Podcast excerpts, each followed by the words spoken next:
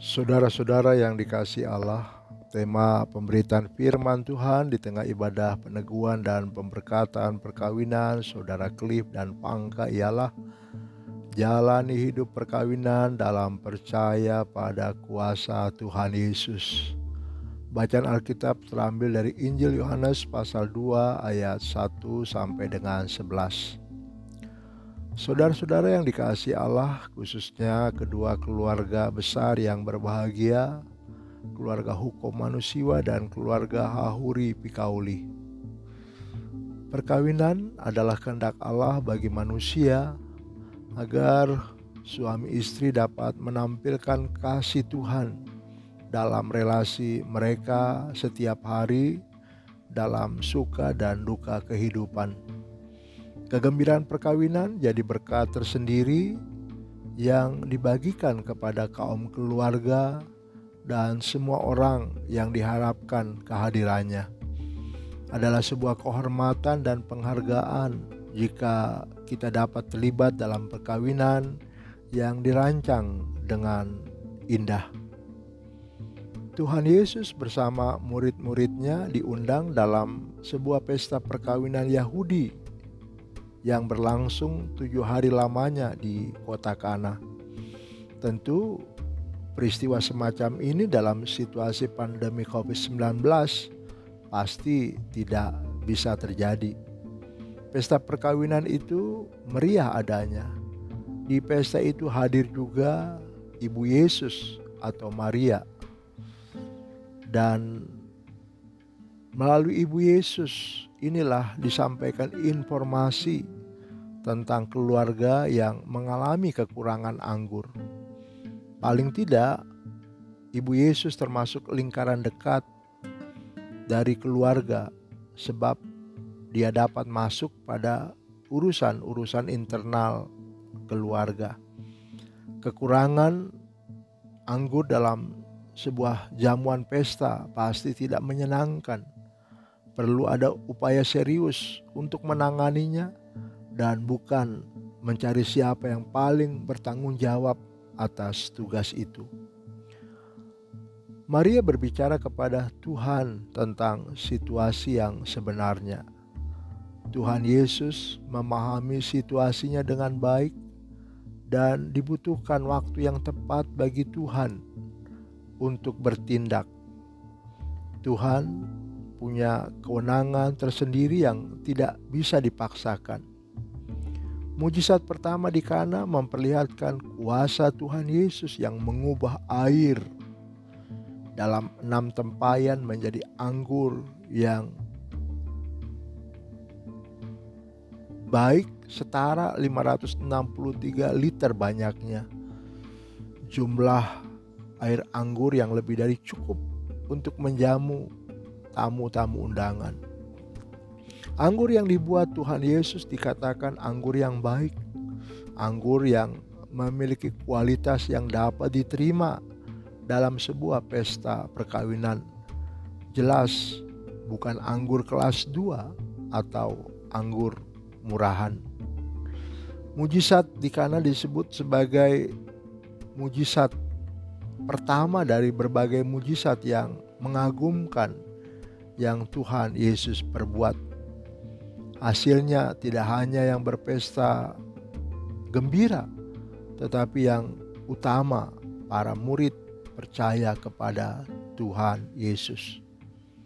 Saudara-saudaraku, momen perkawinan adalah bagian dari peristiwa dalam hidup manusia. Jika saudara berdua, Cliff dan Pangka bisa mengalami momen ini, jelas adalah berkat tersendiri bagi hidup saudara. Semoga peristiwa semacam ini dapat dialami banyak orang muda lainnya dalam gereja saat mereka berani mengambil keputusan, melepas masa lajang, dan terlibat dalam rancangan Allah yang indah. Tentu, perkawinan membutuhkan dukungan dari banyak pihak, restu, doa, dan bantuan dari pihak keluarga menjadi penting dalam memulai sebuah perjalanan rumah tangga.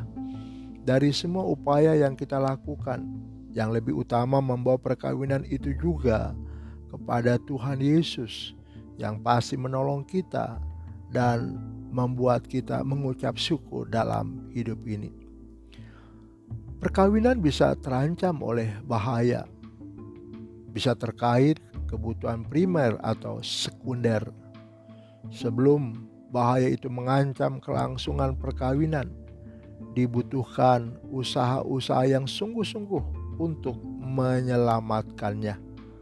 Tiga hal yang dapat kita renungkan khusus buat saudara berdua dan kita sekalian. Yang pertama, dalam perkawinan kita perlu secara terbuka membahas apa yang menjadi keperluan mendasar dalam hidup perkawinan itu sendiri. Saling berdiam diri jelas tidak baik, terlalu meributkannya tidaklah juga elok. Ibu Maria berbicara apa yang utama kepada Tuhan Yesus. Sikap Ibu Maria begitu hormat dan memahami kuasa yang dimiliki Tuhan Yesus. Di sini kita perlu meyakini siapa yang utama dalam menolong kehidupan kita saat datang masalah. Prioritas kita adalah Tuhan Yesus dan baru yang lain berikutnya. Jika saudara berdua sekali waktu kehabisan uang untuk beli beras atau membiayai anak sekolah, mari kita pertama-tama datang kepada Tuhan Yesus, percaya pada kuasanya. Tuhan Yesus peduli dan sangat peduli tentang kehidupan perkawinan kita. Tuhan pasti bertindak tepat pada waktunya. Jangan lakukan kejahatan untuk mengatasi masalah saudara. Jangan mengakali orang lain. Percaya pada kebaikan Tuhan. Percaya pada mujizatnya bagi hidup keluarga. Yang kedua, mujizat adalah mujizat dan bukan sebuah kebetulan. Tuhan merancang jalan keluar bagi kita saat datang persoalan berat. Memiliki keluarga yang peduli tentang kebahagiaan hidup kita patut membuat kita bersyukur dalam hidup ini. Terlebih lagi keluarga-keluarga yang mengasihi Tuhan Yesus. Kadang-kadang orang-orang Kristen mengabaikan hidupnya sebagai orang Kristen. Mereka hanya bisa hidup sebagai orang Kristen yang egois, orang Kristen yang mengerikan, orang Kristen yang tidak sesuai citra Tuhan sebagai pribadi yang penuh kasih dan rendah hati. Apakah saudara berdua adalah pribadi-pribadi yang rendah hati dan penuh dengan kasih? Saudara dapat mengenali pribadi semacam itu saat saudara mengarungi hidup bersama dalam perkataan dan perbuatan setiap hari. Mereka yang mengasihi Tuhan Yesus selalu berbuat yang terbaik. Kadang mereka melayani tanpa perlu diminta. Mereka berinisiatif. Mereka senang melihat orang lain gembira dan bahagia. Mereka ini seperti Ibu Maria yang mendukung keluarganya dengan doa, cinta kasih, dan bantuan. Saudara berdua patut bersyukur kepada Allah ketika datang masalah diingatkan untuk berdoa, untuk beribadah, untuk berbagi berkat dan melayani Tuhan Yesus.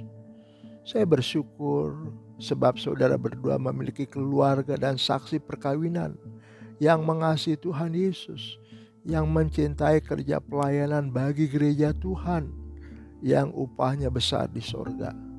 Saudara berdua patut meniru mereka dan menjadi pelaku firman Tuhan.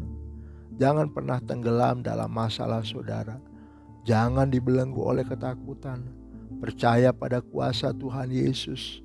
Mujizat tidak akan pernah terjadi jika kita ragu pada Tuhan Yesus, jika kita putus asa dan lari dari Tuhan.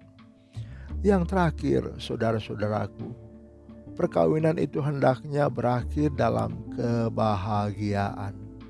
kebahagiaan. Selama Tuhan Yesus hadir dalam perkawinan kita, semuanya menjadi baik dan indah.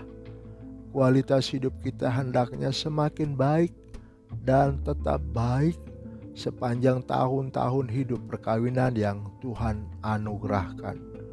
Karena itu miliki waktu yang intim bersama Tuhan Yesus setiap hari.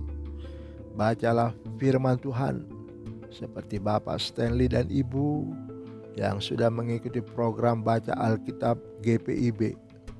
Jadikan kebiasaan membaca Alkitab menjadi kebiasaan rutin dan bukan hanya terus membaca WA dan sibuk dalam aktivitas di media sosial. Berkat Tuhan dalam hidup itu pasti datang. Jangan terlalu sibuk dengan urusan-urusan dunia. Pertolongan Tuhan bukan hanya sekali, tetapi berkali-kali, sebab Allah yang kita sembah dalam Yesus adalah Bapa pengasih dan penyayang yang mendengar permohonan anak-anaknya yang memberi tanpa menghitung-hitung. Selamat buat Cliff dan Pangka memasuki rumah tangga yang baru. Kasih Tuhan Yesus senantiasa mengikat, mengikat saudara berdua sampai maut memisahkan. Tuhan memenuhi saudara berdua dengan sukacita dan damai sejahtera sekarang dan selama-lamanya. Terpujilah Tuhan kita Yesus. Amin.